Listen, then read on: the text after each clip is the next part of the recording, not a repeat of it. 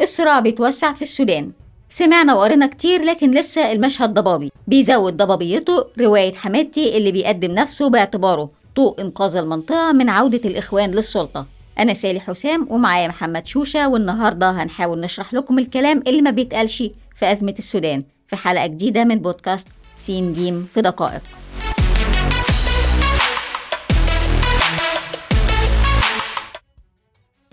إزاي نقدر نفهم المشهد اللي بيدور في السودان حاليا بعيدا عن كتير من اللي بنقراه واللي مش فاهمين منه حاجة دلوقتي؟ آه، يمكن الموضوع ده لخصه أليكس ديوال اللي هو كان مستشار الرئيس السابق لفريق الاتحاد الإفريقي في السودان لما كتب إن الموضوع كله بيتلخص في مشوار محمد حمدان دقلو اللي هو حميدتي واللي ينفع يتقدم كدرس موضوعي في ريادة السياسة عن طريق أخصائي أعمال عنف. ده بحسب وصفه.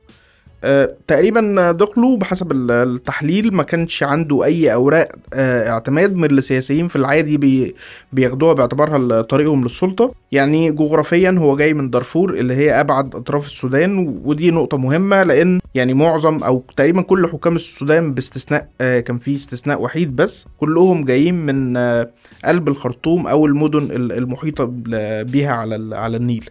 سياسيا كمان نقدر نعتبره دخيل على المؤسسة السياسية في الخرطوم. يعني حتى عن طريق نسب جده ودخله كان زعيم عشيرة بتلف على المراعي بين تشاد ودارفور آه تعليميا آه تقريبا كل الناس عارفة دلوقتي إن هو ما حصلش على أي تعليم رسمي. وحتى بالمعايير العسكرية فالميليشيا بتاعته وقت تشكيلها ما كانتش أكتر من مجموعة من رعاة الجمال والمعدمين والمهمشين. آه مجموعة من الشباب العرب البدو اللي جمعهم من دارفور وكردفان عشان آه عمر البشير يشوف فيهم وفي القائد بتاعهم إيد قوية ساعدته على قمع التمرد في دارفور. من النقطة دي تحديدا ابتدت كل الحكاية لأن من وقتها ظهر إن الشاب الصغير كان عنده طموح كبير جدا في السلطة وإنه ملوش أي عزيز في الطريق اللي هيوصله للهدف ده لأنه يعني اتحرك كتير جدا ما بين مواقع الصراع وكان من ضمنها آه، حاجات تشبه تماما اللي بيحصل حاليا في السودان.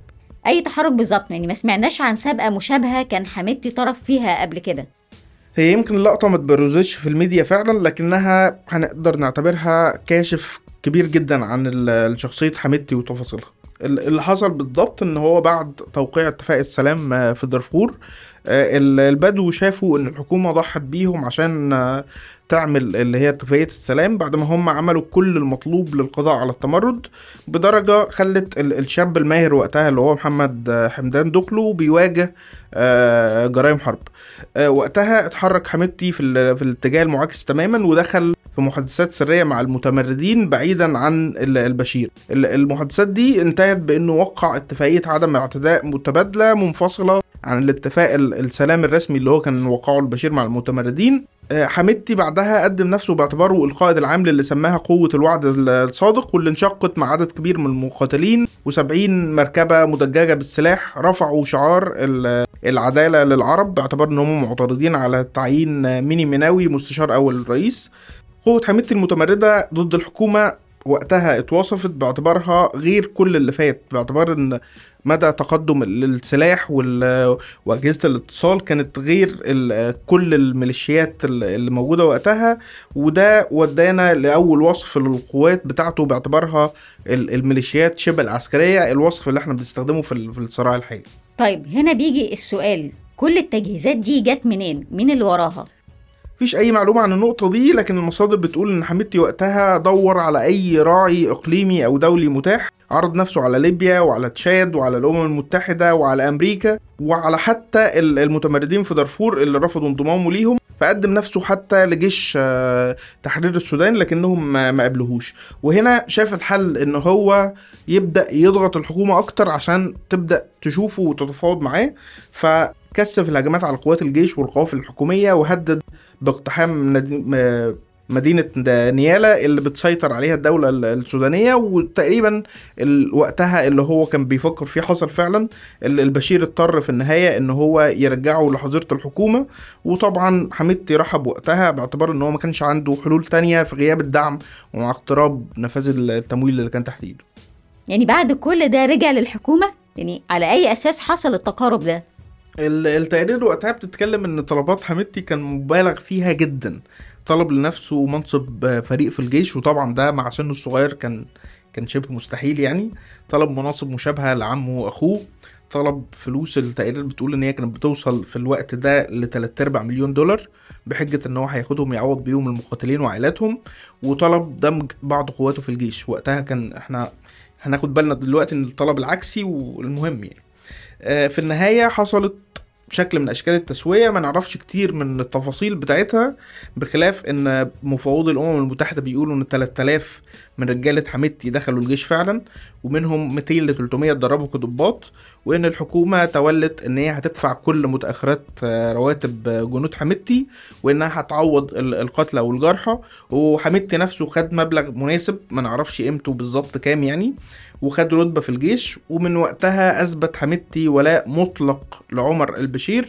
اللي بدأ أحيانا وكأنه بيعامله زي ابنه اللي مخلفوش من النقطة دي بدأ حميدتي يوسع نفوذ ميليشياته بشكل منفرد آه، استفاد من منح قواته الصفة الرسمية ومن حصولهم على المرتبات من الدولة وسع كمان تسليح الميليشيات وعددها وسع علاقاته الخارجية مؤخرا مثلا بالمشاركة في حرب اليمن وسع كمان إن هو مصادر تمويله بإنه سيطر على أكبر مصدر لإيرادات السودان عموما وإيراداتها من النقد الأجنبي خصوصا اللي هو مناجم الذهب في جبل عامر يعني بقى المسيطر الحصري على أكبر مصدر للعملة الصعبة في السودان. استخدم كمان فطنته التجارية وبراعته العسكرية عشان يبني ميليشيات بالتدريج تحولت لشكل من أشكال القوة بعض المحللين بيعتبروه أقوى من الدولة السودانية. بكل القوة دي بقى ليه حماتي ما تدخلش لحماية البشير؟ آه، بكل اللي اتكلمنا فيه عن شخصية حميدتي وتطوراته لما جه وقت اللي هو خلاص عمر البشير بي بيسقط وبيختار إن هو بيطلب من حميدتي التدخل لمساعدته كان على حميدتي إن هو يختار ما بين أبوه الروحي من ناحية وما بين الناحية التانية إن هو إن هو ينفع يخلق لنفسه مكانة في في الوضع الجديد بين النخب العسكرية اللي هتورث السلطة فاختار السلطة وعدم المغامرة بكل اللي بناه لقواته. آه، خصوصا إن وقتها بعض المتظاهرين الشباب كانوا شايفين فيه المظهر الجديد للجيش. يعني هو شافوا فيه كده ليه؟ يعني هو مش اخوانجي وضد سيطرة الإخوان على الدولة زي ما حميدتي بيروج لنفسه دلوقتي؟ آه، النقطة دي مهمة فعلا يا سالي لأن حميدتي حاليا بيقدم نفسه باعتباره إن هو ثورته على البرهان كان سببها إن هو خروج على الإسلام المتطرف اللي بيحاول يرجع نظام البشير للسلطة وباعتباره إن هو هيبقى منقذ الإخوان الجديد والمنطقة بالتبعية من عودة الإسلام السياسي. لكن ويلو بيريدج اللي هو المحاضر في التاريخ في جامعة نيوكاسل بيقول إن القصة الحقيقية مختلفة تماما عن ده. بحسب التحليل اللي هو كتبه في الصراع في حقيقته بيدور بين شخصية حميدتي اللي إحنا شرحنا بعض أوجهها في الجزء اللي فات وما بين البرهان اللي هو في وصفه هو عسكري محترف شايف إن من ضمن أدواره الحفاظ على المصالح الأساسية للجيش ومكانته السياسية والاجتماعية المتميزة وبعض المؤسسات اللي هو بيسيطر عليها. البرهان تحت المعادلة دي هو خايف من الظهور الواسع لقوات الدعم السريع كمركز قوة بديل ومن تغيير حميدتي لتحالفاته في أي لحظة فاضطر إن هو احتفظ بالعناصر الأساسية لنظام البشير زي قادة الأمن والبيروقراطيين من عهد حزب المؤتمر الوطني. آه، والمشكلة إن البشير كان قطع مشوار طويل جدا في تمكين الحركة الإسلامية السودانية فكان بالضرورة إن معظم الشخصيات دي كانت ليها آه، ارتباطات كبيرة بالإسلاميين. وإن كان التحليل بيقول إن الباقيين من عصر البشير اللي هم البرهان احتفظ بيهم حاليا في السلطة مش إسلاميين راديكاليين. وهنا كانت النقطة اللي حميدتي لقى فيها نقطة ترويج في صياغة الخطاب الموجه للغرب والدول الإقليمية اللي أكيد حريصة على منع عودة الإسلام السياسي للسلطة طيب هنا بيجي السؤال الأخير إزاي المؤسسة العسكرية النظامية ما كانتش قادرة تمنع إن كل ده يحصل؟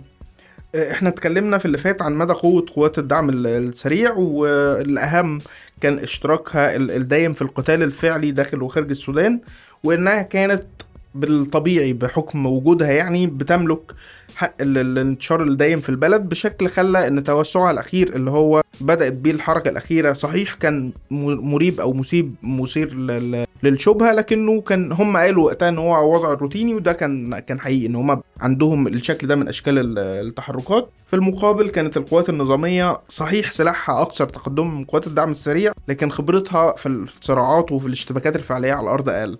هنا بتنتهي حلقتنا. هنسيب لكم المصادر في description ولو عندكم أي أسئلة إضافية ابعتوا لنا على info ونتقابل الحلقة الجاية.